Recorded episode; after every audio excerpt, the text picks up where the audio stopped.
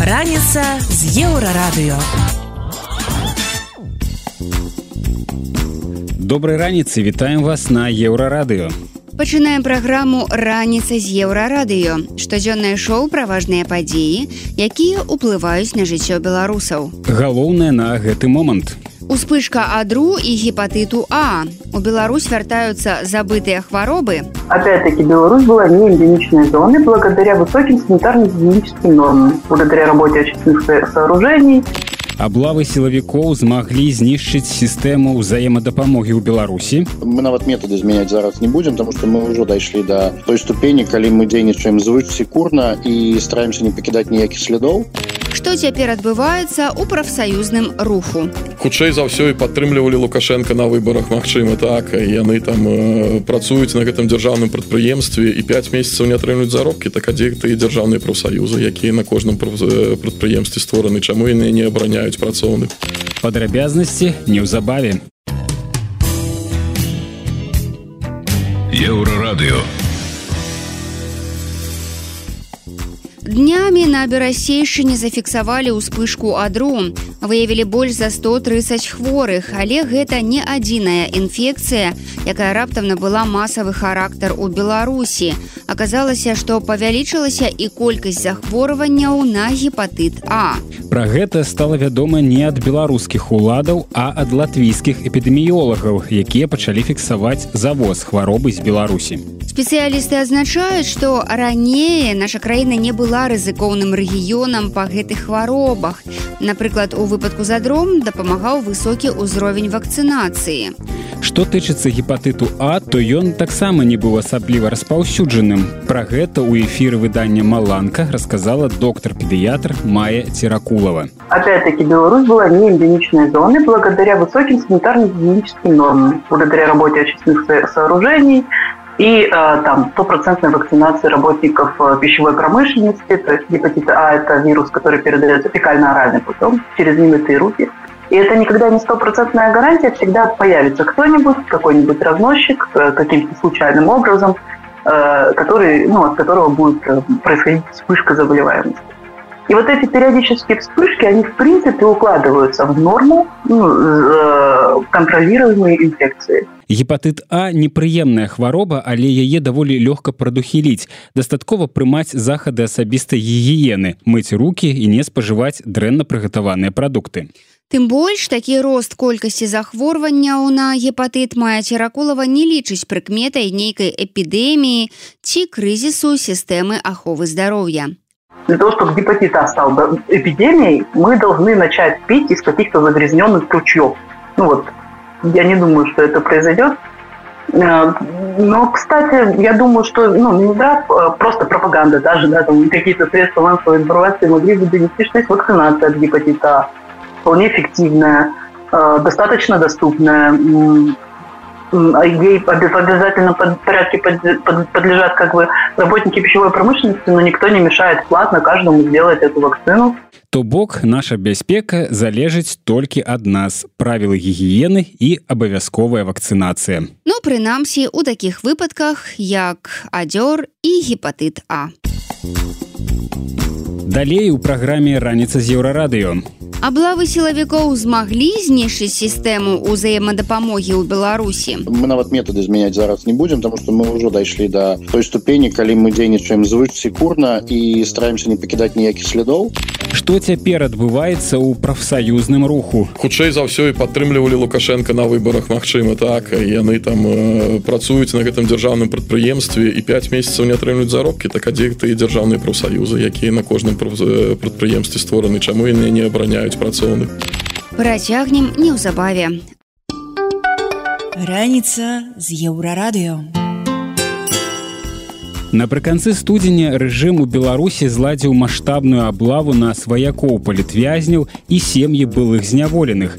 Цяпер незалежныя медыя высветлілі, што прыходзілі нават да тых, хто пісаў лісты ў турмы. Прычым за гэтую катэгорыю людзей узяліся раней за 23 студзеня, калі ўласна і стартавала. Вось гэтая кампанія сілавікоў. Па словах сведкаў, следчыя на вопшыках у той дзень скардзіліся адзін адному, што ўжо стаміліся і не спалі чатыры ночы.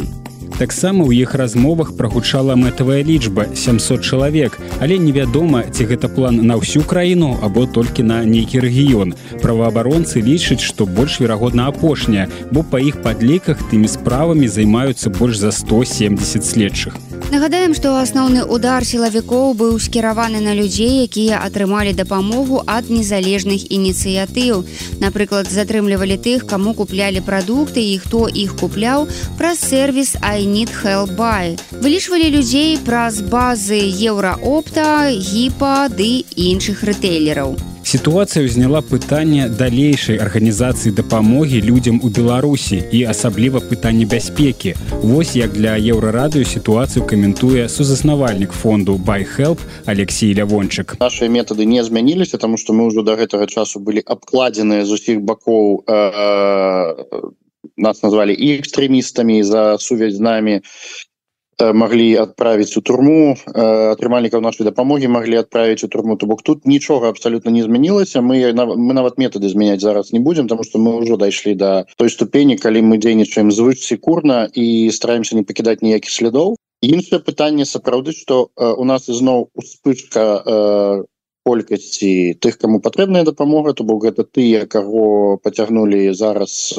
пасля облавы 20 20 лі числах снежня студзеня прошу прабачэння ну знову такі нам трэба э, укладаць так сказать дакладаць больш высілка у тое каб не не павязалі тых людзей якія даставляюць дапамогу нам трэба думаць як бяспечна доставляць грошы іншымі спосабамі не толькі кэшем Ну в любым выпадку. Мы гэта прадумваем на бежонца але куды больш вострае пытанне цяпер эвакуацыя тых хто пацярпеў ад аблавы або знаходзіцца под пагрозай колькасць такіх запытаў выросла кратна кажуць прадстаўнікі ініцыятыў. І канца гэтым хвалям рэпрэсій пакуль не бачна далей у праграме раніца з еўрарадыё Што адбываецца ў прафсаюзным руху беларусі? Хутчэй за ўсё і падтрымлівалі лукашенко на выбарах Мачыма так. Яны там э, працуюць на гэтым дзяржаўным прадпрыемстве і 5 месяцаў не атрымлюць заробкі. Так адзекты і дзяржаўныя прафсаюзы якія на кожным прадпрыемстве створаны? Чаму яны не абараняюць працоўны працягнем неўзабаве. Еўрарадыё Цяпер прафсаюзныя арганізацыі ў Беларусі занятыя важнай справай. Запужваюць і заганяюць на выбарчыя ўчасткі працаўнікоў. А вось пытанне абароны іх правоў адышло на другі план і альтэрнатывы няма, бо пасля 2020 года рэжым ліквідаваў усе незалежныя прафсаюзныя аб'яднанні. Нехта з іх лідараў за кратамі, нехта ў эміграцыі і ўжо з-за мяжы яны працягваюць рабіць тое, дзеля чаго прафсаюзы першапачаткова задумваліся змагацца за правы працоўных. Чым цяпер жыве незалежны прафсаюзны рух за мяжой? Ці застаўся ён у беларусі што вядома пра арыштаваных актывістаў? Гэтыя тэмы ў студыі еўрарады абмяркоўваюць наш рэдактор змейсер лукашук і старшыня беларускага незалежнага прафсаюза Макссім пазнякоў. Звестак не не даволі шмат насамрэч таму што э як і на ўсіх палітычных на іх оказывается ціск за кратамі. Асноўна гэта тое что восені александра юрушыка перавялі з калоніі у турму укрытую турму могілёве то бок яму змянілі рэжым утрымання на жорсткі. І зараз канешне у яго там толькі А что стало нагодай? І ўсё ж таки як ён гэта пераносіць? Ну калі ёсць інфармацыя бо ўсё ж таки пры ўсёй павазе ярашук ну такі ўжо чалавек ва ўзросце. Да, 72 гады. І, і я ведаю что у яго былі пэўныя праблемы со здароўем. Что на сёння? Вот як это як ён пераносіць і что стало нагодай для змены рэжыму Ну звычайна нагодай змены рэжыму становіцца парушэнні якія яны фіксуюць у калоніі то бок якія яны там выдумляюць мы мы не ведаем дакладна але мы ведаем што ён быў у шиза один раз точно так. А, ну конечно там же ж можно придумать там не так ложек там заправіў неяк там не так апрануўся там не так поздароваўся там это ж гэта ж усё такое і гэта стало менавіта поводам для дзеля того каб яму змянілі рэжым утрымання і яго перавезлі вось у магілёўскую крытую турму дзе насамрэч э, мусіць яно і не, не, не, не так э, дрэнна тому что ну менш менш усялякіх поводаў для того каб да яго чапляліся тому что ну вось ёсць одна камера ёсць людзі з якімі ты сидзіш так і ты как бы э, ўсё як бы стабільна так в гэтым сэнсе там няма э, э, няма поводаў каб цябе там яшчэ больш там на тебе ціснуць але канешне знаходзіцца ў камеры ўвесь час не мае калі ты не маеш доступа да вольнага паветра да сонечнага света то бок ім там да да адной гадзіны толькі прагулка у дворыкі у гэтым там Мачыма один раз у дзень Ну гэта канешне это канешне для чалавека яго ўзроста вельмі цяжка пераносіць такія умовы.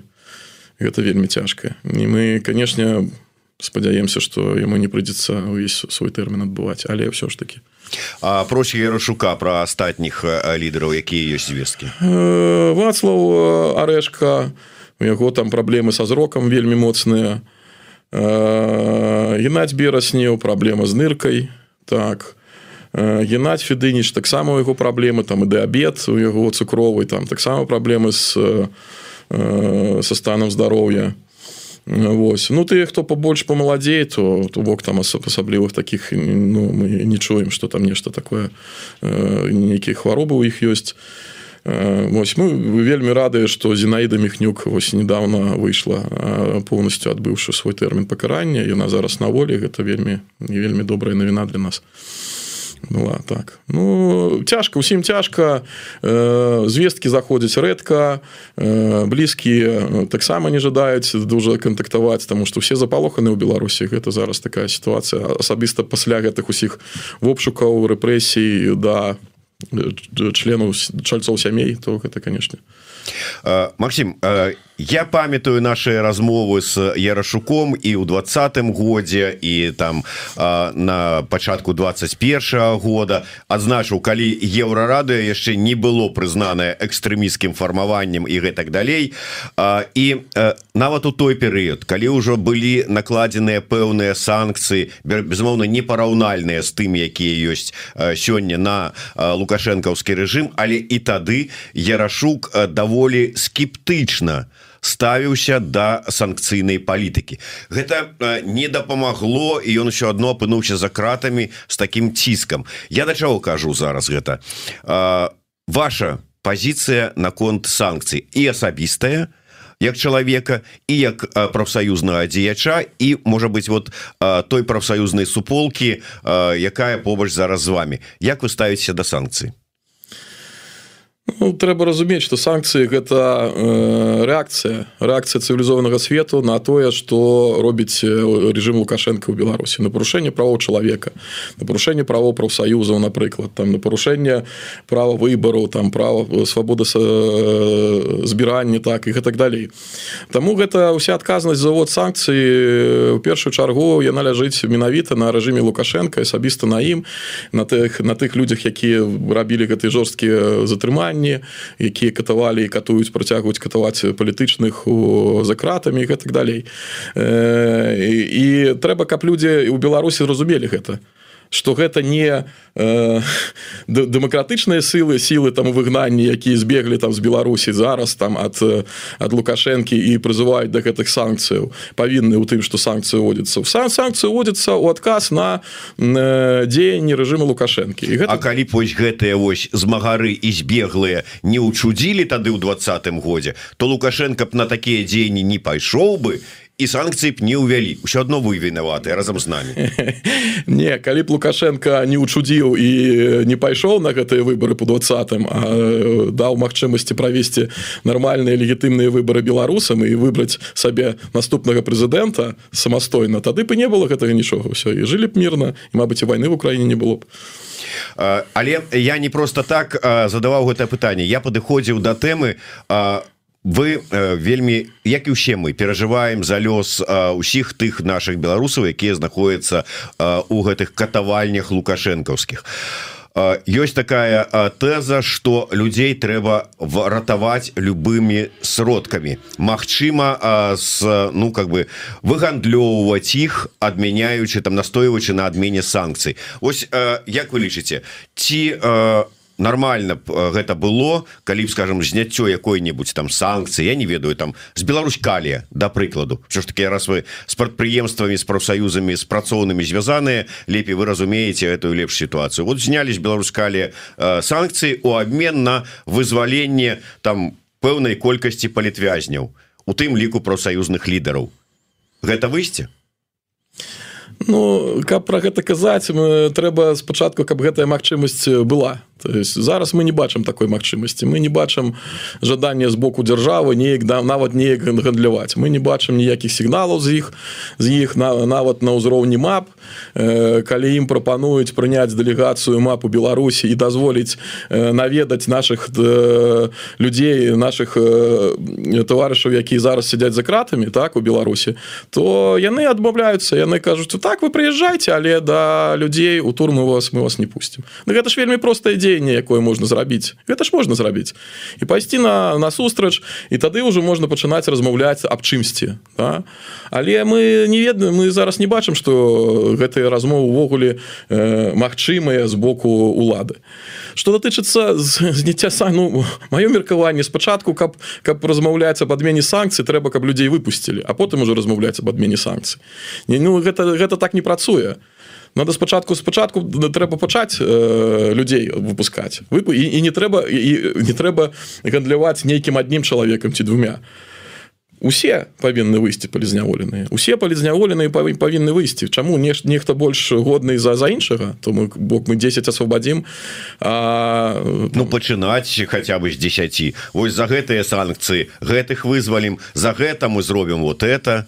Ну, так же ну, гандля ідзе ну мне мне цяжка размаўляць на гэта пытанне тому что я не бачу умоў для гандлю насамрэч. Калі б былі нейкія попытки спробы размаўляць тады б можна было б чымсьці канкрэтным размаўляць зараз. Но гэта не выйсце гэта не выйсце трэба усіх усіх вызваляць а не кагосьці там паасобку у сітуацыі тотальнай забароны любой незалежнай прафсаюзнай дзейнасці амаль не засталося спосабаў падтрымки працоўных. Як з гэтым змагаюцца актывісты і да чаго прыводзіць адсутнасць законнасці ў працоўнай сферы? Про гэта ў нашым эфіры працягвае расказваць прафсаюзны дзеяч Макссім пазнякоў Не ну конечно мы ж кансультуя працягваем кансультацыі онлайн людзей до нас звяртаюцца з нейкімі там э, сваімі праблемамі штодзённымі на працы э, пытаюць там нейкага совета там да по... умоўно кажучы я просто ну, мадэлюю сітуацыю у чалавека ну там ці не хочуць працягваць контракт ці нейкая там вот ну спрэчная сітуацыя с адміністрацыяй прадпрыемства ўзнікла яны могуць да вас звярнуцца по кансультацыю якім чынам Ну ёсць э, чат бот які прымае заявкі ад працоўных. Ён абсалютна ну, э, бяспечны.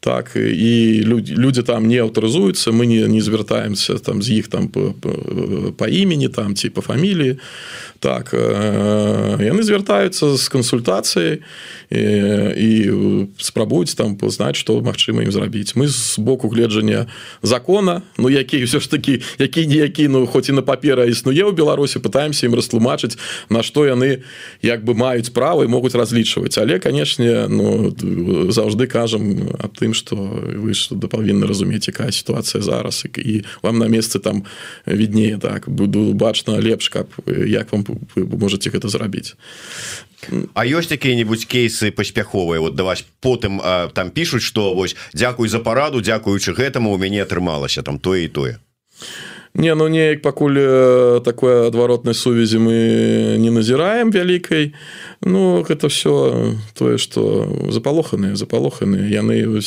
атрымалі не ну, звярнуцца за парадай яны не баяцца а потым сказаць Дякуй калі это дапамагло то уже баяцца Ну не ведаю не ведаю. Ну там увогуле пытанні такія там там як он напрыклад разлічваецца там пенсійны стаж там напрыклад там як я на якую пенсію я могу разлічваць там які ці там на, на якія правы ёсць там у у мяне там калі вельмі нізкая тэмпература там у цеху там ці на наадварот вельмі жарко там у цехі ну то бок вось такія там то ці там про э, напрыклад э, травму якую э, атрымаў на на працы чалавек то бок як як яна расследуецца як что трэба лепш рабіць і на што можна разлічваць на што не. Ну, вось такога бою больш кшталту такія пытанні так. Э, яны але ўвогуле канешне гэта все э, люди павінны аб'ядноўвацца на працоўным месцы Ну яны павінны разумець что калі нету зараз незалежных прафсаюзаў а патрэба ў іх ёсць тому что дзяржаўныя прафсаюзы гэта не прафсаюзы гэта сістэма улады гэта той механізм які працуе ва ўладзе які займаецца контролем працоўных над працоўнымі то люди канешне павінны аб'ядноўвацца на прадпрыемствах у нейкіе там збіраць нейкія там сходы обсуждать абмяркоўваць праблемы на прадпрыемствах з кіраўніцтвам маўчаць не трэба тому что калі вы будете маўчаць сітуацыя будзе пагаршацца з кожным днём яны будуць бачыць что вы нават маўчыце і вас усё задавальняе так канешне в праў стало менш магчымасці стало менш але ўсё ж таки і па і трэба заставляць працаваць дзяржаўныя прафсаюзы трэба звяртацца і туды яны ж усё ж таки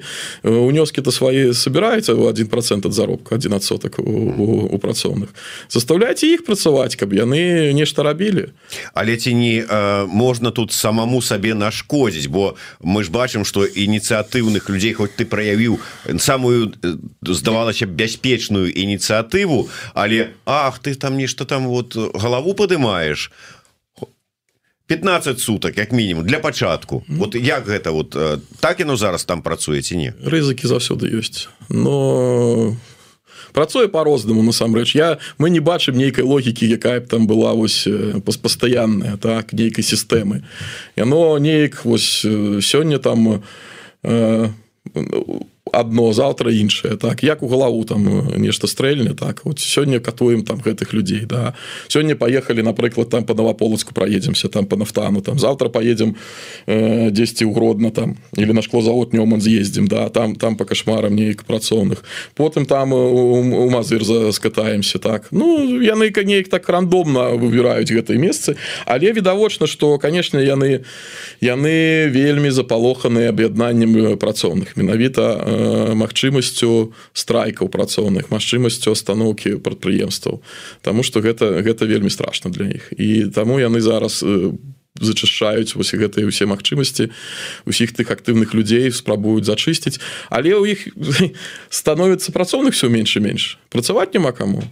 Дэфіцыт з працоўных і працоўных. І у по палітычным матывам яны звольнілі вялікую колькасць людзей мы бачым што ўжо на працягу там трох трох год колькасць звольненых перавышае колькасці прынятых на працу ў беларусі прыкладна 50-60 тысяч. то гэта прыкладна на 200 тысяч э, чалавек якія страцілі працу і не працоўку уладкаваліся ў беларусі. Э, а они яны вядуць улік буйных прадпрыемстваў в основном яны не ведуць улік малога бізнесу там да нейкіх там кафешак там усёга астатнюю і канешне гэта праблема. Дзе шукаць кваліфікацыя кваліфікацыйных працаўнікоў рабочых?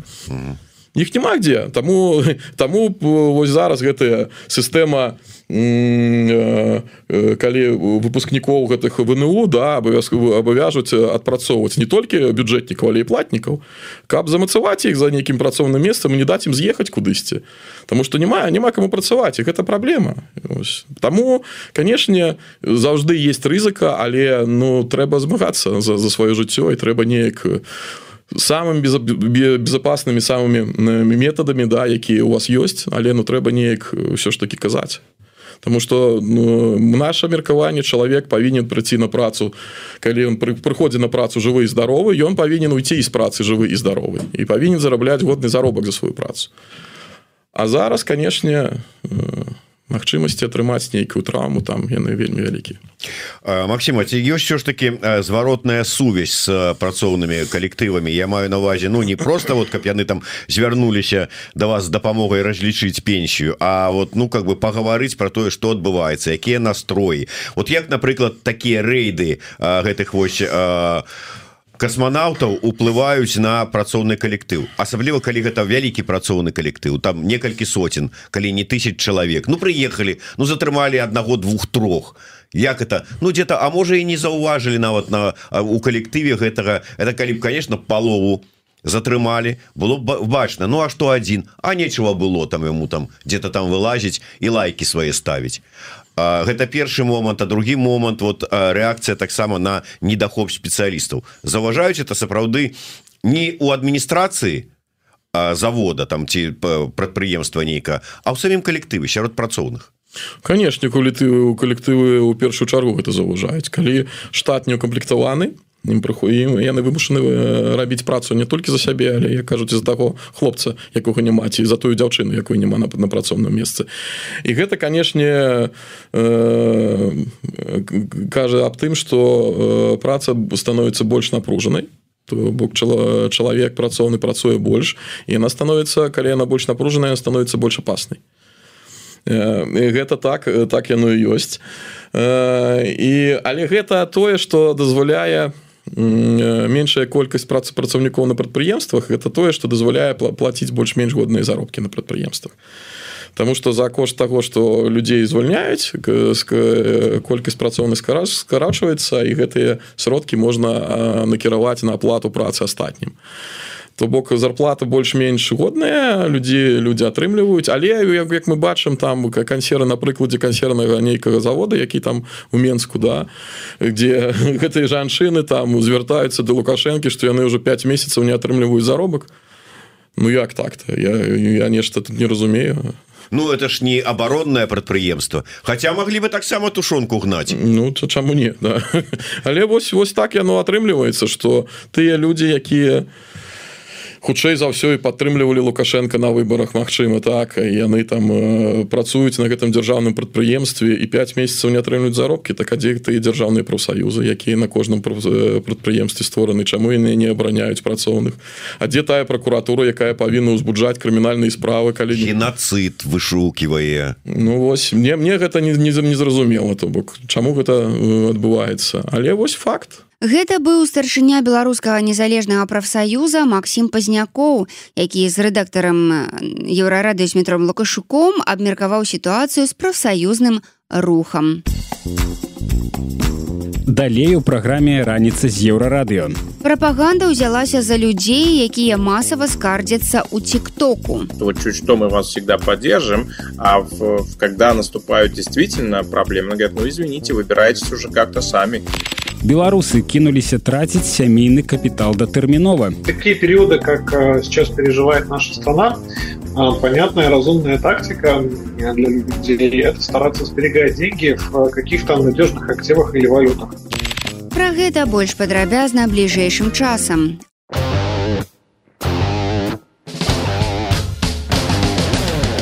Еўрарадыё. Мы еще не дагаварылі. Беларусы знайшлі дзейную пляцоўку дагрукацца да чыноўнікаў са сваімі праблемамі. Яны сталі расказваць пра іх у тиктоку можна успомніць толькі некалькі рэзанансных выпадкаў апошніх тыдняў.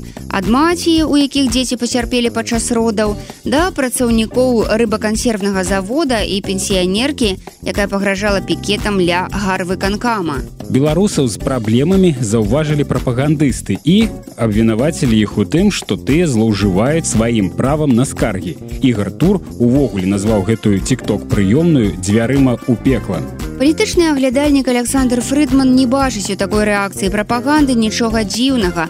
Бо яна цалкам упісваецца ў агульную канцэпцыю стаўлення лукашэнкаўскага рэжыма да жыхароў краіны. Вось як ён каментуе сітуацыю у эфіры праекта обычное утро это же история скорее о том, чтобы инициативу людей максимально сковать и чтобы привязать их к государству. А с другой стороны, когда государство, которое вроде бы обязалось решать проблемы и говорит, что вот чуть что мы вас всегда поддержим, а в, в, когда наступают действительно проблемы, говорят, ну извините, выбирайтесь уже как-то сами. Что же вы так на государство все время рассчитываете, и тем более на, на, на самую главную фигуру?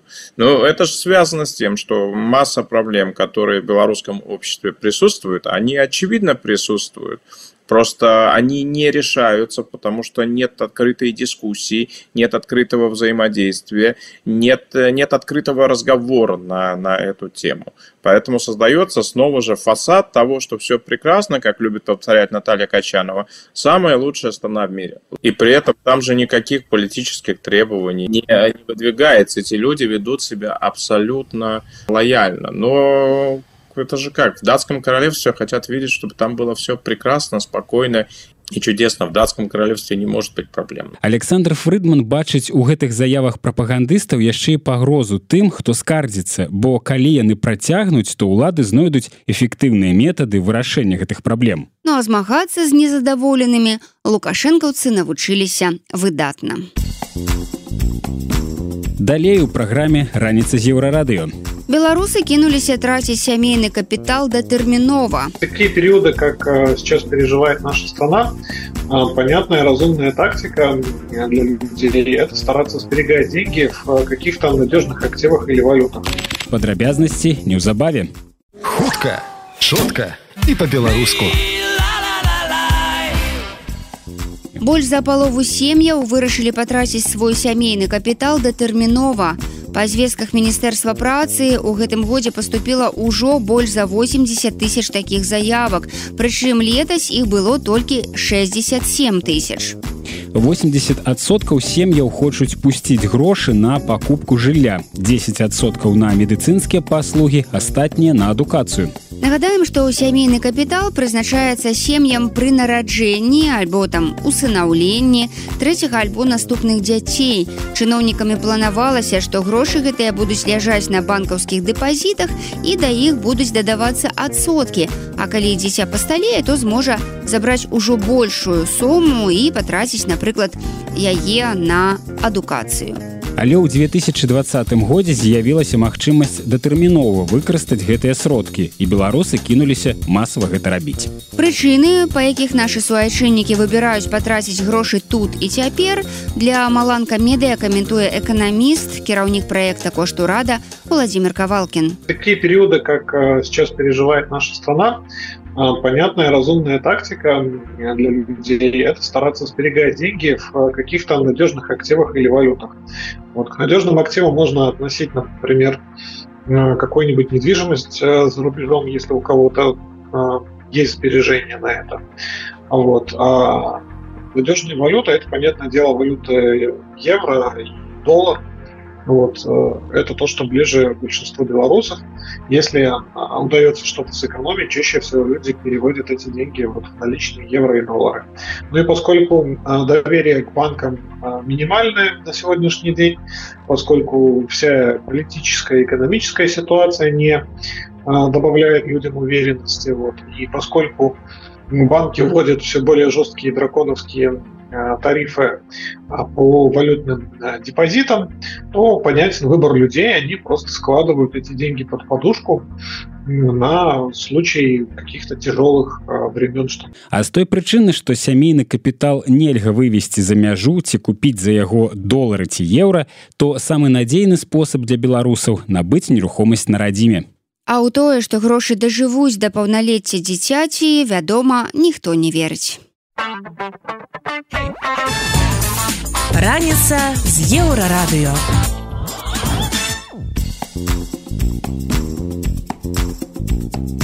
Вяртаемся на еўрарадыё і працягваем ранішні эфір. Вы па-ранейшаму слухаеце раніцу з еўрарадыё. Інфармацыйнае шоу пра важныя падзеі, якімі жывуць беларусы і іншы свет. І вось што цікавага мы распавядзем далей. Что не так с белорусской высшейшей адукацией? Любой молодой человек, а не важно кто он, он все равно, ты, если ты ему включишь Беларусь фильмы про войну или э, Индиану Джонс, он будет смотреть Индиану Джонс. Як стан китайской экономики уплывая на курс рубля? Главный, я думаю, передаточный механизм здесь Россия. Э, для России Китай это вообще теперь самый главный, самый первый основной партнер як зразумець сакрэтную мову беларусаў не трэба думаць што дыялектныя словы гэта толькі пра лес грыбы балота маўляў нашыя продкі толькі ў зямлю глядзелі дзе што можна укусіць з'есці знайсці на зуб пакласці Ёсць проста фантастычны пласт дыялектызмаў з астраноміі, назвы зорак, сузор'яў, каметаў. Пра гэта ды іншае больш падрабязна цягам бліжэйшай гадзіны.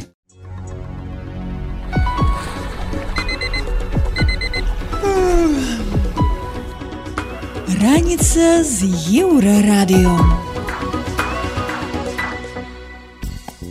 Выпускнікам ВНУ хочуць кратна павысіць суму кампенсацыі пры неадпрацоўцы і сам тэрмін размеркавання. Такім чынам дзяржава збіраецца спыніць адток моладзі за мяжу. Надоечы Лукашенко паставіў такую задачу перад мінадукацыі і рэктарамі універсітэтаў, а яшчэ вінаваціў апошніх у кепскай якасці выкладання дысцыплін. Маўляў, ВНУ не паспяваюць за тэхналогіямі і выпускнікам даводзіцца вучыцца на працы. Прайшоўся вялікі спецыяліст і па падручніках, якімі таксама натуральна застаўся незадаволеным. Ну а яшчэ пра палітычнай сутнасці адукацыі. Пра ўсё гэта у эфіры еўрарадыо пагутарылі наш рэдактар зміцер Лукашук і кіраўнік беларускага свабоднага тэатра Миколай Халезін. Я б хацеў для затраўкі прасці мяне за тое, што я гэта раблю, але я хочу табе паказаць невялічкі кавалачык нарады, якую праводзіў Лукашенко. Вот просто послухай пра што там там кажется. Образование никогда не было и не может быть вне политики. Вы не просто даете профессию, вы формируете мировоззрение молодых людей. Скажу прямо, вы первые отвечаете за национальную безопасность и несете ответственность за сохранение суверенитета страны. Если среди вас до сих пор работают люди, которые не разделяют наши подходы, нашу политику и государственную идеологию, если вы трудоустраиваете вчерашних шатателей режима, то какие выводы я должен делать о вас? Вопрос для размышления и принятия решения. Это ваших студентов, одурманенных западными ценностями, мы видели на площадях в 20-м. И многие смыслы, которые их вывели на улицу, были заложены, к сожалению, в ваших аудиториях. Или не в ваших и заложены не вами. Я думаю, вы меня услышали. Вось э, так э, я так разумею занепакоіліся э, ідэалогіяй і выхаваннем моладзі лукашысты і я так разумею что свабодны тэатр ты у тым ліку мы у тым ліку сярод тых хто закладаў вось гэтыя думкі каштоўнасці у галовы моладзі беларускай якімі зараз так незадаволены лукашенко. І я вот хотел бы цябе як человека творча спытацца атрымаецца у нас перабіць вось гэтыя спробы лукашыстаў забіць галаву моладзі сваімі этими ідэалогіямі лукашэнкаўскага режима Да, на самом деле, просто тут уже, знаешь, мы сколько мы на эту тему говорим, да, там 30 лет. То есть у него даже риторика поменялась. Если ты вспомнишь первый съезд учителей, э, его знаменитая цитата оттуда, это «Э, «потеряем учителя, капец, будем ходить пьяные и дурные». Э, это была одна из моих любимых цитат его. И, э, а сейчас это уже вот идеология, вы ответственные, душегубы там, и так далее. Но ну, это уже ну, деда пора пересаживать на гидроперидол, потому что, блин, это уже, э, уже стыдно это слушать, потому что э, любой молодой человек, неважно, неважно кто он, он все равно, ты, если ты ему включишь э, Э, фильм Беларусь фильма про войну или э, Индиану Джонс, он будет смотреть Индиану Джонса. Ну, ну ничего ты с этим не поделаешь. И если ему рассказывать что-то интересно, пусть даже и не вручая диплом, он будет это слушать с большим удовольствием, чем он будет слушать этих педагогов, которые рассказывают им про успехи Александра Лукашенко в экономике. Но это смешно на самом деле. Мы, понимаешь, уже, уже фаза, вот это пройдены все фазы, и возмущение, и вот принятие этой, этой, этой чуши, и, и, и смеха, вот уже все, уже просто смотришь, ну, патология. Ну, ну я, я могу просто, пусть, э, вот он бы выставил своего э, Николая Александровича, как его называют, окружение Лукашенко, э, а я бы выставил свою младшую дочь. Я бы посмотрел, кто из них лучше разбирается в любой сфере, в любой вообще сфере, в любой. Хоть в экономике, хоть в политике. Да, может, на фортепиано она похуже играет, но э, все остальное просто до свидания. Потому что если ты обучаешься вот в этой постсоветской школе. И, и мы же столкнулись с этим, прямо вот прям столкнулись в лоб, да, когда нам нужны были актеры, э, еще в начале там зарождения свободного театра. И мы попытались э, работать с актерами из государственной системы образования. И это было очень тяжело, очень тяжело. Мы понимали, что их надо переучивать, с ними надо что-то делать. И мы думаем, да зачем мы нам переучивать, если мы можем сразу их учить так, как хотим. Мы тогда школу Фортенбрас и начали готовить для себя актеров. Сейчас это актеры звезды, да, которые объехали мир, да, и которые как минимум там в 40-50 странах работали и, и, и получали великолепное ревью. А, потому что они воспитывались не так, как воспитывались, допустим, в Академии искусств, где тебе э, художнику рассказывают, что самое вольнодумие – это импрессионисты, но уже черный квадрат – там вашему сыну, да, и он тоже нарисует. И вот эту всю ересь, как бы, ее всю бесконечно гоняют, гоняют, гоняют и рассказывают, что нет, все-таки образование у нас хорошее, оно дает кругозор. Но, но э, это все история не про кругозор, а это все-таки история про профессию. И ту или иную творческую профессию ты должен все-таки осознавать мир. И если ты его смотришь на мир через призму идеологии, ни одно твое произведение никогда не окажется ни на одной престижной сцене. Просто никогда, потому что ты, у тебя искаженный взгляд, ты не понимаешь, как мир э, работает. А когда ты поездишь по миру и посмотришь, вот я сейчас вижу, как, как многие актеры, раньше актеры, многие стеснялись проситься в свободный театр. Сейчас белорусские актеры просто присылают CV бесконечно, каждый день я их получаю.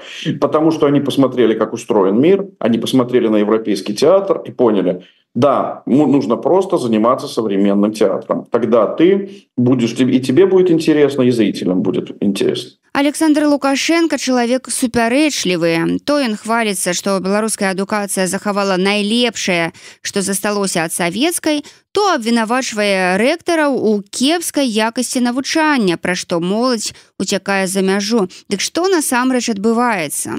Протягивая Николай Халезин. Вот смотри, первый же его посыл, да, первый, он говорит, мы должны взять лучше, ну это уже мы устали слушать, да, нужно взять все, все лучшее из советского, из советского образования. Так вот, советское образование, э, там, 37 год восславляют э, в Сталина, 53 год проклинают Сталина, потом 30 лет о Сталине молчат, ставят фотографии на лобовое стекло э, и рассказывают, как он победил, и его романтический образ в фильмах. Да? Он все-таки хороший, он великий полководец. Потом перестройка. Сталин сатрап, палач кат. Потом э, пост, этот самый там, лукашенковско-путинское время. Э, опять Сталин хороший. Мы, как, это как, мне про какое образование брать? Вот как, мне про Сталина брать из какой части советского образования?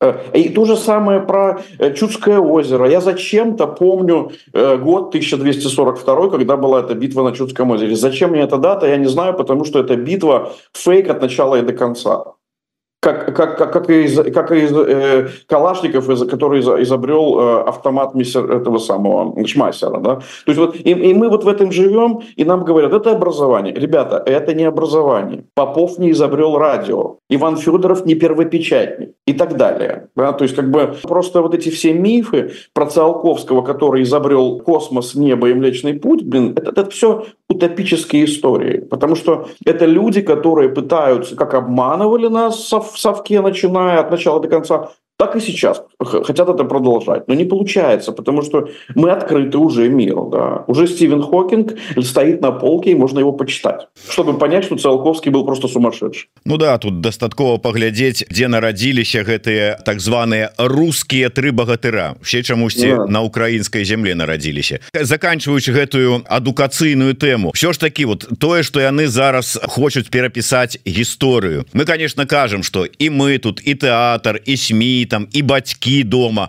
яны будуць укладаць сваё ў галаву.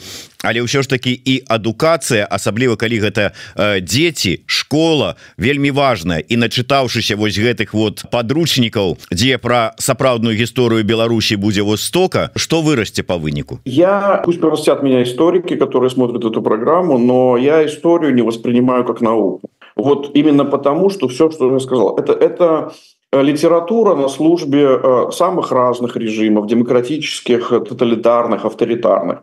Это такая разновидность литературы. Да? Один описывает так, другой так, доказательств нет, есть только даты. Вот в эту дату то-то произошло, и все. Но это не наука. Это просто тоже журналистика, факты мы зафиксировали.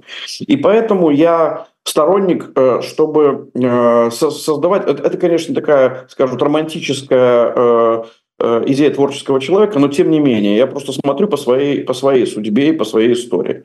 Первый раз я прочел «Дикое поливание короля Стаха» на русском языке.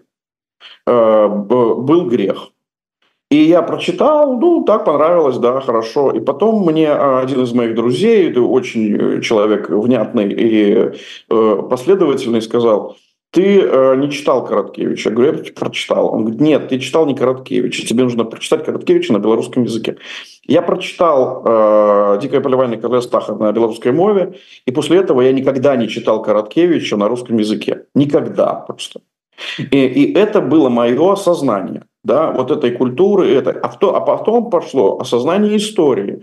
И оно продолжается через его произведение до сих пор. Я, я сейчас читаю э, э, «Дикое поливание», когда делал, когда делал либретто для оперы, и я читаю, и вот там эта история Светиловича, который, которого исключили из Киевского университета за то, что он читал стихи э, Шевченко э, публично.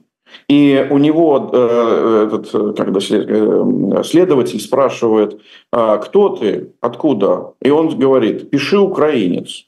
Да, хотя он Светилович и белорус.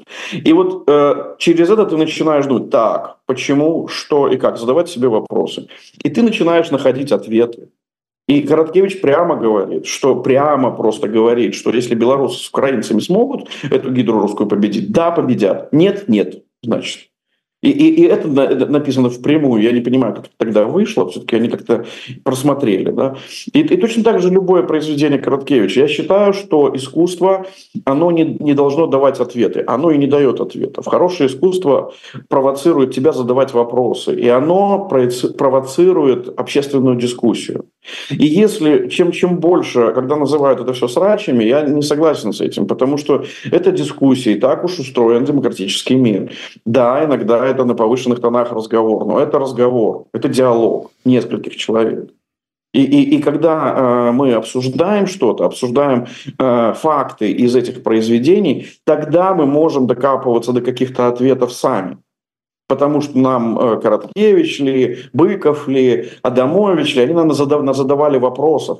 И эти, мы, мы должны поискать ответы на эти вопросы. Если мы их найдем, то и дети вырастут наши нормальные. У меня нет претензий к моим дочерям по поводу их знаний э, истории или там, э, фактов ли из, из, из Беларуси. Точно так же, как когда-то мне друг э, э, всучил книжку Ермоловича, э, э, и я прочитал ее, и вдруг я, у меня как-то история сложилась в какую-то картину более-менее внятную. То есть я, я уже не задавал вопросов, что такое там Аршанская битва или э, что такое, кто такая Ефросинья Полоцкая. И вообще э, я как расставил для себя какие-то приоритеты. И по этим приоритетам стал двигаться. И пришел к э, независимой Беларуси. Хотя при мне разваливался совок, и мне было э, страшно от того, что за мной теперь не будет стоять эта огромная страна с атомными бомбами. А сейчас я думаю, господи, какое счастье, что этой страны не стало, хоть, хоть бомбы пока и остались. Керовник белорусского свабоднага тэатра Миколай Халезін паразважаў у эфіры еўрарадыё пра нашу вышэйшую адукацыю і патлумачыў, чаму караткевіча нельга чытаць па-руску. Далей у праграме раніца з еўрарадыё. Як стан китайской экономики уплывая на курс рубля? Главный, я думаю, передаточный механизм здесь Россия. Э, для России Китай это вообще теперь самый главный, самый первый основной партнер. Як зразумець сакрэтную мову беларусаў? Не трэба думаць, што дыялектныя словы гэта толькі пра лес, грыбы, балота. Маўляў, нашыя продкі толькі ў зямлю глядзелі, дзе што можна ўкусіць, з'есці, знайсці на зуб пакласці. Ёсць просто фантастычны пласт дыялектызмаў з астраноміі назвы зорак сузор'яў каметаў. Працягнем пасля навінаў спорту.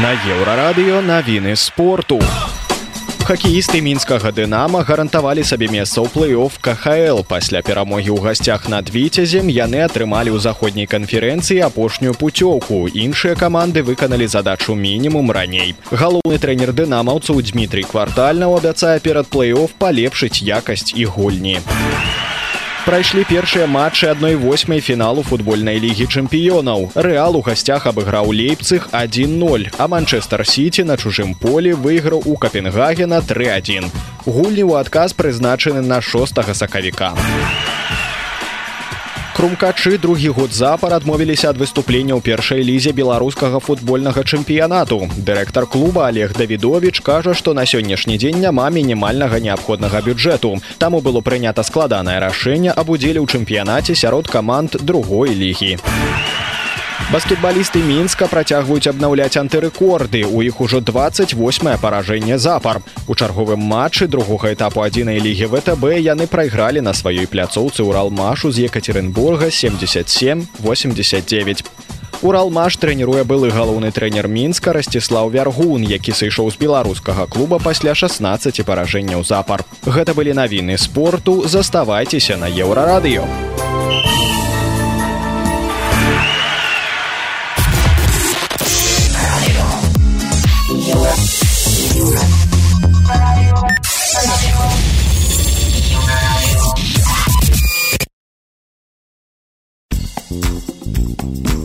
Ва ўмовах санкцый галоўным эканамічным партнёрам Беларусі стала Расія. Здавалася б, што ў гэтым страшнага асабліва, калі такая сувязь дазваляе нарошчваць вуп вышэй за запланаваны.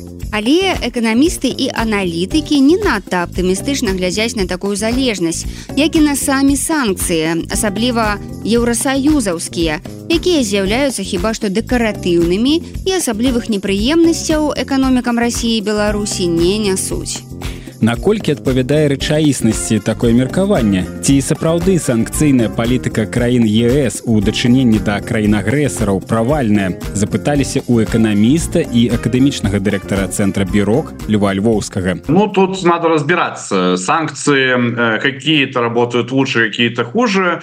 Э, где-то я думаю предыдущий спикер прав. Э, тут главный вопрос наверное что мы имеем в сумме.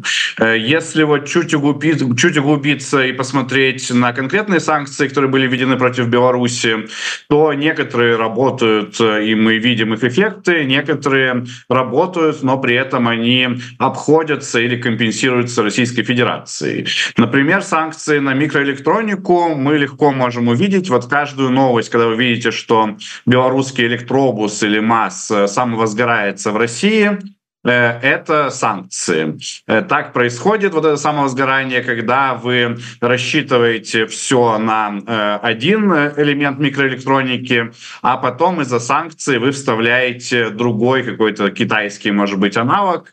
В итоге такие сложные механизмы, они и самовозгораются. Дальше можно сказать про транзит. Беларусь всегда там, славилась своим транзитом. Собственно, единственное, что у нас есть Э, от таких естественных э, природных ресурсов. Самое главное — это наше географическое положение между Азией и Европой. Э, транзит у нас сейчас на 40% в реальном объеме товаров ниже, чем был в 2021 году. Если смотреть на добавленную стоимость транзита, она тоже процентов на 20 ниже, чем была в 2021 году. Так что здесь как бы никак ничто не компенсируешь, ничего ничего не обойдешь. А если говорить про калий, то там изначально это был сильнейший удар по нашей калийной отрасли. Потом за счет России значимую часть этого удара удалось компенсировать. Сейчас мы поставляем на мировой рынок процентов 60-70 прежних объемов калия, э, но маржинальность даже этих 60-70% она все равно ниже. Так что здесь мы не смогли никак ничто компенсировать, власти Беларуси не смогли компенсировать и все еще отрасль проблемная. Э, что касается нефти, нефтепродуктов, тут нам наоборот э, повезло. У нас сейчас там все кажется лучше, чем было э, до начала российской атаки на Украину. Собственно, тут нам повезло за счет того, что когда страны Большой Семерки пытались ввести вот этот механизм price cap, то есть ограничений на цену на российскую нефть, создался дисконт цены российской нефти по отношению к международному стандарту, например, э, например, бренд. Э, так вот, Беларусь пользуется этим дисконтом. Мы покупаем нефть Euros со скидкой перерабатываем ее и потом уже нефтепродукты продаем без скидки, опять же, пользуясь российскими логистическими мощностями. Куда потом эти нефтепродукты попадают, мы не знаем. Мы знаем, что они через Россию отправляются в страны там, типа э, Саудовской Аравии, ОАЭ и так далее. А дальше они, очевидно, куда-то перевозятся, но мы не знаем куда. Может быть, дальше в Европу, может быть, в ту же Украину, может быть, потребляют являются какими-то еще третьими странами. Финансовые санкции, можно сказать, что в целом не сработали, не имели вообще никакого эффекта, даже без российской помощи. Эффект э, токсичности это не санкция, которая была введена кем-то, это общая как бы такая вещь, которая самозародилась из-за всего политического кризиса. Он тоже и сыграл важную роль и продолжает, к сожалению, играть важную роль для белорусской экономики. Собственно, все, что происходит с белорусским IT-сектором, это не какие-то санкции, это именно тот самый эффект токсичности. Именно из-за него мы теряем э, вот тоже под 20 процентов от эм, добавленной стоимости IT, и сектор, который раньше всегда был главным паровозом, э, главным драйвером нашего роста, он сейчас э, один из главных драйверов, э, которые, наоборот, снижают ВВП страны. Можно обсудить, как бы, почему, где санкции работают и почему некоторые санкции не работают. Ну, первая э, часть санкций не сработала из-за больших лагов в их, и в их имплементации. Если мы вспомним, то самые первые санкции сначала Евросоюз говорил, вот скоро мы запретим э, там торговлю калием, вот очень вот через полгода. Ну, пока что контракты, которые уже были заключены, мы уважаем, пусть они исполняются. Когда происходит, когда такой большой лаг между заявлением о санкции и ее имплементацией, то, конечно, э, правительство санкционирует контролируемая сторона, она успевает как-то подготовиться, э, перенаправить часть грузов, э, найти новых клиентов или новые схемы обхода. У нас нет практически никакого надзора за исполнением санкций. Если мы посмотрим, то единственные, кто иногда ловят э, там, какие-то компании на обходе санкций, это независимые журналисты, вот какие-то независимые расследователи, например, из БРЦ. Но это недостаточно достаточно серьезно, то есть при всем уважении к работе коллег, но это все недостаточно серьезно, у них недостаточно ресурсов. Э, э, анализировать э, серьезный обход санкций должны какие-то а, аналитики, ну таких чуть ли не разведывательных структур. Просто у журналистов нету тех мощностей, тех способностей делать такие запросы и узнавать ту информацию, как санкции на самом деле обходятся. Особенно это важно, например, при обходе Э, ну так скажем, военных санкций. Э, мы видели, вот несколько раз журналисты ловили, например, э, финские компании, латвийские компании, которые поставляли чипы для российских ракет или вообще боевые дроны, там, как в случае с финской компанией в Россию. Э, поставляли они их чаще всего, то есть там эту партию везут в Китай легально на какую-то фирму-прокладку. Эта фирма-прокладка передает другой фирме-прокладке еще 10 прокладок, и в итоге последняя везет этот товар в Россию. Э, ну, собственно, журналисты такое не могут отследить, э, и тут надо действительно прикладывать много усилий, чтобы с этим бороться, потому что создать фирму-прокладку очень легко. Она создается за 5 секунд, э, а вот подсоединить ее к санкциям, так чтобы там ее тоже закрыть, тем более, когда она создается в другой юрисдикции, это сложно, занимает много сил и энергии. Звернемся яшчэ да аднаго партнёра Беларусій Китая. Эканамісты наракаюць, што паднябёсную чакаюць не найлепшыя часы і кажуць, што нават справы ў беларускага рубля будуць залежыць ад сітуацыі ў Кітаі. ці сапраўды гэта так працягвае леў львоўскі залежность есть, но она идет через Россию. То есть мы напрямую так от Китая не зависим. Э, ну, сейчас, опять же, мы там увеличили, наверное, наше торговое отношение с Китаем. Э, теперь большая часть, например, нашего калия идет в Китай. Но, тем не менее, главный, я думаю, передаточный механизм здесь Россия. Для России Китай — это вообще теперь самый главный, самый первый основной партнер. Поэтому от, торгов, от торгового баланса с Китаем зависит российский рубль, э, ну а мы уже тут э, зависим от, собственно, э, курса российского рубля. Таким чынам можна сказаць что ну першапачаткова мы наўпрост можа быть от расійскага рубля але перша прычынай роста курсаў можна тады стаць эканоміка Китая дакладней курс юаня может стать. Эм, если говорить про Китай, то э, тут э, ну, там, многие действительно предрекают э, катастрофу Китая. Э, я, я бы сказал более аккуратно. Э, Китай, он столкнулся с тем же, с чем Беларусь, например, столкнулась эм, лет 10 назад. Э, Китай достиг потолка роста экстенсивного.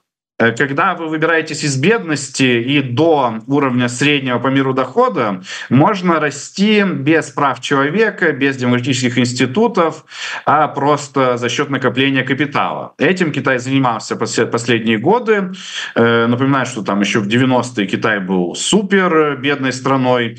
Китай рос большими темпами, э, стал такой большой экономикой. Но сейчас Китай столкнулся с той же проблемой, что и мы, и Россия, например. Вот около 2010-2011 годов он достиг среднего уровня доходов, и чтобы расти дальше, э, нужно уже что-то менять, нужно уже заботиться о человеческом капитале, а это означает, скорее всего, демократизацию и другие вещи, которые китайская коммунистическая партия, скорее всего, не захочет делать. Эм, то есть, э, если мы отталкиваемся чисто от экономической теории, то Китай ждет не падения, а должна ждать ждать стагнации. Точно так же, как и мы не упали с 2011 года, мы просто перестали расти. Мы там до 2011 года росли там, на 7% с лишним в год в среднем, а после 2011 года у нас средние темпы роста вот 1% в год. Это как в Северной Корее. Э, Китай, в, если ничего не менять, скорее всего, ждет такая же судьба. Он перестанет быстро расти. От этого, наверное, будет какой-то шок, потому что там многие инвесторы они ожидают, ожидали от Китая продолжения такого быстрого роста в 6-7% годовых, как это происходило раньше. Но, тем не менее, в любом случае это не, не означает, что Китай непременно ждет рецессия. Э, Китай скорее ждет стагнации хуткі смоўж пытаецца самы буйны банк Китая перастаў працаваць Беларусю і Россией гэта сур'ёзны удар Э, нет, это не серьезный удар, это может быть э, серьезный звонок э, для белорусских властей, для российских властей. Но тут вопрос в том, насколько они вообще были очарованы Китаем, чтобы сейчас разочаровываться. Многие авторитарные правители думают, что раз Китай устраивает у себя на территории концлагеря, раз он у себя не уважает права человека, то он должен быть каким-то страной, спонсором авторитарных режимов. Ну, как как Иран страна спонсор терроризма. Но Китай вовсе не стремится спонсировать все подряд авторитарные режимы. Э, Китай заботится о своей экономике, о деньгах, о прибыли. Э, они могут продолжать торговать, если у вас в стране все плохо с правами человека, но это не значит, что они будут делать это себе в ущерб. Главный торговый партнер Китая — это не никто иной, как США. Э, и найти другого главного торгового партнера Китаю невозможно. Это две самые крупные экономики в мире, поэтому абсолютно логично, что именно они будут больше всего торговать друг с другом. Э, тут э, в двуполярный мир мы никак не разделимся. Э, и, соответственно, для многих, особенно крупных китайских предприятий, американский рынок, мнение американцев, американских регуляторов гораздо важнее, чем какой-то бизнес или там, дружба, вот, всепогодные отношения с Путиным или с Лукашенко. Поэтому крупные предприятия китайские, они уже отказывались от взаимоотношений торговли торговли с Россией, с Белоруссией и будут продолжать отказываться. Но в Китае есть разные предприятия, разные банки, есть крупные, но есть и мелкие.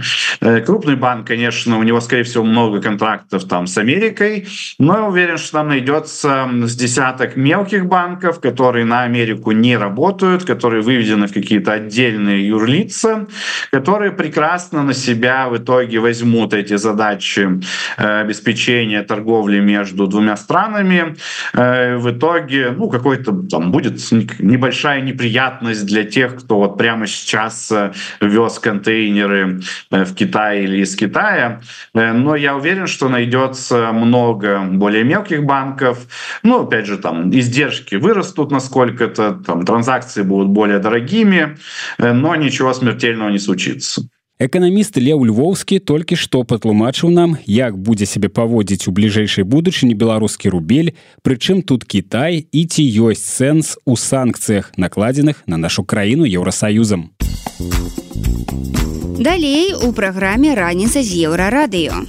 Як зразумець сакрэтную мову беларусаў? Не трэба думаць, што дыялектныя словы гэта толькі пра лес, грыбы, балота маўляў нашыя продкі толькі ў зямлю глядзелі дзе што можна укусіць з'есці знайсці на зуб пакласці.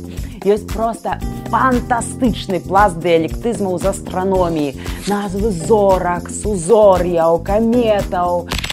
Працягнем пасля навінаў шоу-бізу. Шоу-біз Боже. Навіны шоу-бізу на еўрарадыё. Беларускі YouTube папоўніўся новым цікавым праектам. Паэт, перакладчык, лідар гурта Агнст Віталь Рыжкоў запусціў блог пад назвай беларускі характар. У ім аўтар прапануе шукаць адказы на пытанне, чаму беларусы такія, якія ёсць. Якія мы беларусы, чаму ў беларускай мове шмат сінонімаў да слова гора. А ці сапраўды мы мірныя людзі. Рэжысёрам праекта з'яўляецца Артём Лобач. Першы выпуск блога ўжо можна паглядзець на YouTube студыя DC абрала актрысу мелі алкок вядомую па фільме дом цмока на ролю супердзяўчыны ў сваім новым фільме які будзе новай часткай сусвету DC под кіраўніцтвам джеймса гана і пітера сафрана Анна Ногуэйра ўдзельнічае ў напісанні сцэнарыя, а вось рэжысёр пакуль не пацверджаны. Алкук, якая атрымала вядомасць дзякуючы ролі дзяўчынкі з вядомага белавалосага роду таргарыянаў, цяпер згуляе унікальную версію супердзяўчыны, дэманструючы альтэрнатыўную ад існуючай перад гісторыю. Новая стужка стане дадаткам да гісторыі супердзяўчыны з мелісай Бенуа і Сашай Кале. Фільм пра скандальнае інтэрв'ю герцага Йорскага і яго дачынення да злачынства ў Джефры Эпштейна рыхтуецца да выхаду на платформе Netflix. Сенсацыя, так названа новая стужка, заснавана на кнізе былога рэдактара праграмы Newsnight Саманты Маккалістер.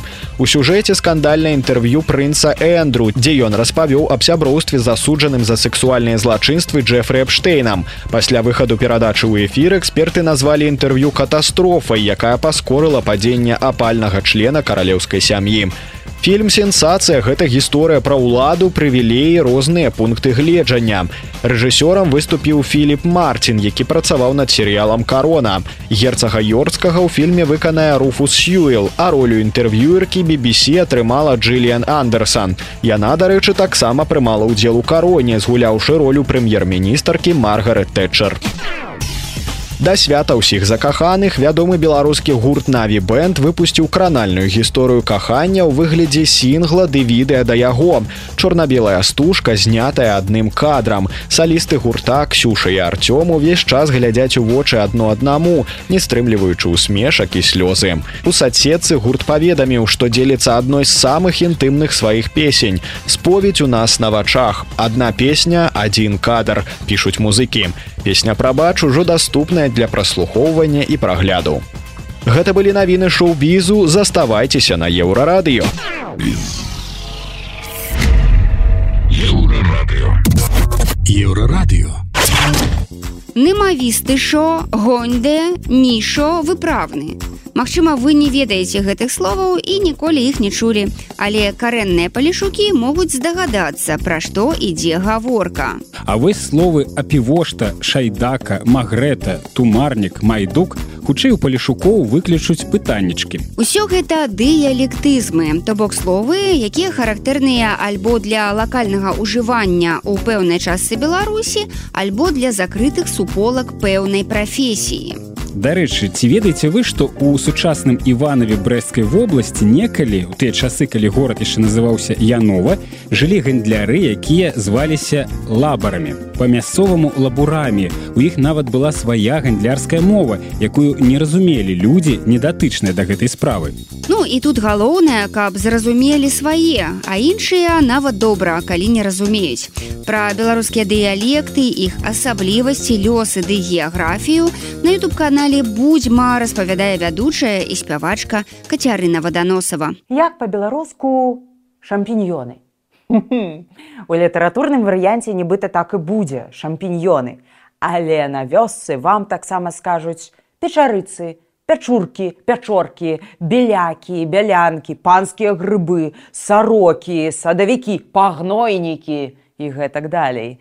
Нават запазычаны з французскай варыянт шампіньёны мудры народ перарабіў на шампіёны, э, шапіёны, чэмпіёны і нават шпіёны. І толькі паспрабуй сказаць, што умоўная бабуля з-пад маларыты няправільна называе грыб, які ведае з дзяцінства. З вами Кацярына Ваданосава ў серыі перадач трызуб і пагоня. А сёння мы пагаворым пра беларускія дыялекты. Кожную літаратурную мову фармуюць яе лакальныя варыянты. І вось ужо нібыта ёсць нармаваная літаратурная мова, але дыялекты працягваюць жыць. Умоўна, яшчэ 120 гадоў таму паляк з-пад якога-небудзь познання не мог паразумецца з палякам з-пад кракава. Немец з баварыі мог не зразумець немца з паміраніі. У Великабрытаніі ўсё яшчэ складаней, а прыклады літаральна сталі мемамі вы напэўна іх бачылі. Сёння ў Еўропе прынята шанаваць дыялекты. Іх вывучаюць ва ўніверсітэтах, на іх пішуць кнігі, выдаюць газеты, часопісы. Гэта культурнае багацце і самабытнасць. У беларускай літаратурнай мове налічваюць ад 250 до 500 тысяч словаў, а ў дыялектнай каля двух мільёнаў. Вось Божая кароўка ці багоўка. Гэта літаратурныя варыянты. А ёсць яшчэ кароўка муроўка, хведарка, ядзерка, петрык і гэтак далей. І не значыць, што ўсе гэтыя словы жывыя на сённяшні момант і выкарыстоўваюцца хаця б дзясяткам людзей. Але гэта частка нашай спадчыны не кабінетная, а жывая. Трошкі тэорыі. Геаграфічна вылучаюць паўночна-ўсходні дыялект, сярэднебеларускі, паўднёва-заходні і заходне-палескія гаворкі. На мапе яно выглядае як палосачкі ў парэзаным на скрылечкі кавалачку сала. Даследчыкі тут бачаць рэха рассялення даўніх плямёнаў, крывічоў, радзімічаў, дрыгавічоў. Звярніце таксама ўвагу на ўсходнюю мяжу беларускіх гаворак, якую вызначыў калісьці акадэмік карскі, яшчэ на мяжы 19 і 20 стагоддзяў. Далёка на ўсход за смаленск, бо плямёны, вядома, жылі не паводле дзяржаўных межаў, а задоўга да іх. Ёсць шмат розных групаў і падгрупаў гаворак. Мазырская, слуцкая, гарадзенская, баранавіцкая і гэтак далей, гэтак далей. Там цэлы лабірынт. І гэта ж не толькі пра слоўнікавы запас, але і пра вымаўленне тых самых словаў. На паўночным захадзе старой віленшчыне можна дагэтуль пачуць зусім мяккае снег замест снег. А на магілёўшчыне цалкам беларускамоўны чалавек будзе упарта вымаўляць чыгуначны з мяккім ч. У верхнядзвінскім раёне замест печка і вадзічка недзе і зараз можна сустрэць пецка вадзіцка. Паўднёвы захад з палескімі гаворкамі гэта ўвогуле асобны сусвет. Богато горе ходыты робыты. Нагадваю украінскую праўда? І разам з тым збяромса склалася гэты рэгіён лічаць найбольш блізкім да ўкраінскай мовы. І гэта той рэдкі для беларусі выпадак калі на гаворцы ёсць выдадзеныя кнігі а ў часы перабудовы выходзілі нават газеты. Бацьку мамо свето в нас свето выйшла на нашай мовы газета ще не газета ще нобачына але зрадніты сыбаны прычына пра палесе дарэчы у нас быў асобны ролик. Калі не глядзелі то паглядзіце Кацярына ваданосава працягвае распавядаць пра сакрэты беларускіх дыялектаў праз дыялекты раскрываюцца шмат якія сакрэты напрыклад прозвішчы пруднікаў запруднік на ўсходзе беларусі так называлі млынара пруднік прозвішча гарлачоў ад назвы з банка для малака гарлачыка лашкоці лашук ад лоша лашыца дарослая жарабя. Роўна тое ж з назвамі вёсак. Беліца ці бель. Не ад таго што там людзі ці хаты белыя. Бель гэта дыялектная назва мохавага балота мерач альбо морач. Гэта такія глухія зараснікі ў лесе. Смуга засмужа ад сточнай далінкі ў лесе дзе бег ручай. Языль язоўка езва ад кораню ес альбо яз. Гэта плод якім перагароджваецца рэчка з праходам пасярэдзіне для пастак на рыбу часам у дыялектызмах захоўваюцца адгалоскі зусім зусім старых часоў. На ваўкавышчыне напрыклад якар меў варыянт назвы ятвес і вось вам пасхалачка ад старажытных яцвягаў ваяўнічых рачных піратаў з ранняга сярэднявечча. Пра іх у нас таксама быў відос. Не трэба думаць што дыялектныя словы гэта толькі пра лес грыбы балота маўляў нашыя продкі толькі ў зямлю глядзелі дзе што можна укусіць з'есці знайсці на зуб пакласці. Ёсць проста фантастычны пласт дыялектызмаў з астраноміі назвы зорак сузор'яў каметаў. Напрыклад самае знакамітае млечны шлях Небесна дорога на палесі, госцінец на падляшы, таксама жураўлына дарога, гусіны шлях, птушыны шлях, чумацкая дарога, кіевска дорожка, млечны путь, млечна гвязда, ці вось цікава яшчэ стан або стан насторожы. Маўляў, на небе вялізнае войска, якое стала станам, а ваяры запалілі вогнішчы прыгожа праўда? Такія аналогіі ёсць таксама і ў немцаў і ў вугорцаў. Або вялікая мядзведзіца воз коўш чарпак карета фура конь і калёсы сахачы сямізвездзіца давыдаў ці іллёў воз нябесная калясніца с апошняй назвай вельмі цікава бо гэта напэўна рэха успамінаў пра стары індаеўрапейскі матыў калясніцы. На ёй можа ездзіць пярун тор ці нават сонца. Воз на небе здышлем сонца навозу дамоў ябе ёсць і зусім экзатычныя варыянты дыялектаў. Таемныя мовы або жаргоны. Гэта не пра пацаноў і чушпаноў і расійскі страшны блатняк. Хаця прынцып насамрэч той же самы. Замкнёная група людзей у якой разумеюць адно аднаго а іншыя хай не разумеюць бо навошта? Вядомыя напрыклад жаргоны капыцкіх краўцоў шклоўскіх шаўцоў лабароўз иванова гэта збіральнікі ахвяраў на будаўніцтва церкваў розных карабейнікаў кажушнікаў лірнікаў прафесійных жабракоў. І ёсць мой улюбёны катрушніцкі лемезень гэта таемная мова шапавала з дрыбіна на магілёўшчыне. Катрушніцкі лемезень дарэчы уваходзіць у спіс нематэрыяльнай гісторыка-культурнай спадчыны беларусі. Шапавалы гэта майстры якія працавалі з воўнай рабілі валёнкі. Адсюль прозвішчы такія як шапавалаў напрыклад. Мы ўжо і прафесію такіх не памятаем не той што іхнай мовы. Там не будзе асобнай граматыкі але слоўнік вельмі адметны. Напрыклад жбан гэта мужчына.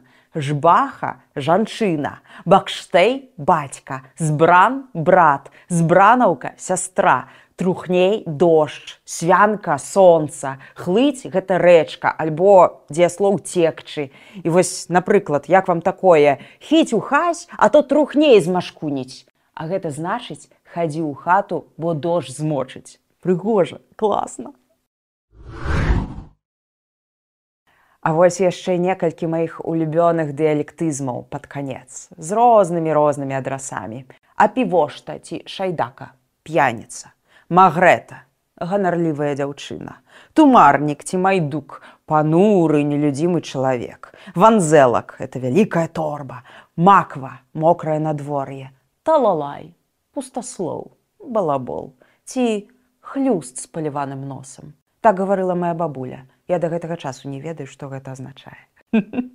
А якія вашы улюбёныя дыялектызмы? Напэўна вы ж таксама чулі штосьці ад бабульці і дагэтуль штосьці выкарыстоўваеце. А на сёння напэўна час развітвацца.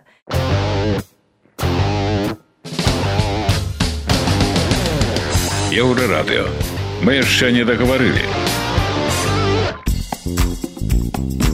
Гэта былі самыя важныя навіны і сэнсы раніцы з еўрарадыё. Заўтра ранкам мы зноў распавядзем вам пра галоўнае, што адбываецца ў краіне і свеце. Сустракаемся ў той жа час у тым жа месцы. Беражыце сябе. Пачуемся.